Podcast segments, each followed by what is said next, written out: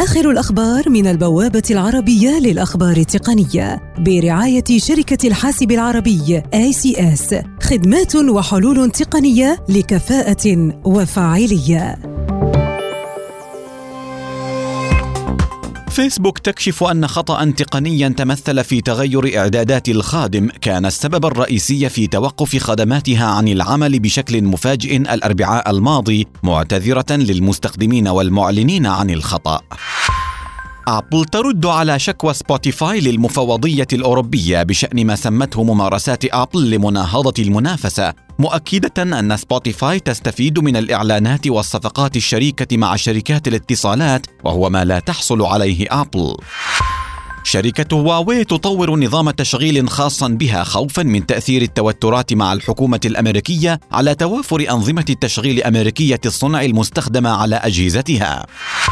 هواوي تعلن أن إجمالي شحناتها من سلسلة هواتف هواوي ميت 20 قد تجاوزت عشرة ملايين وحدة وكان هاتف هواوي ميت 20 برو قد حصل على جائزة أفضل هاتف ذكي لعام 2019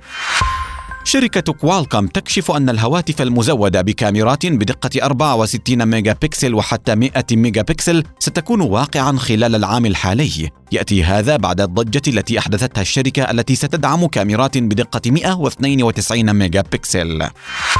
شركة صناعة السيارات الكهربائية تسلا تكشف عن إطلاق سيارتها تسلا موديل واي العام المقبل التي تسير مسافة 480 كيلومترا على شحنة واحدة وتبلغ تكلفتها 47 ألف دولار.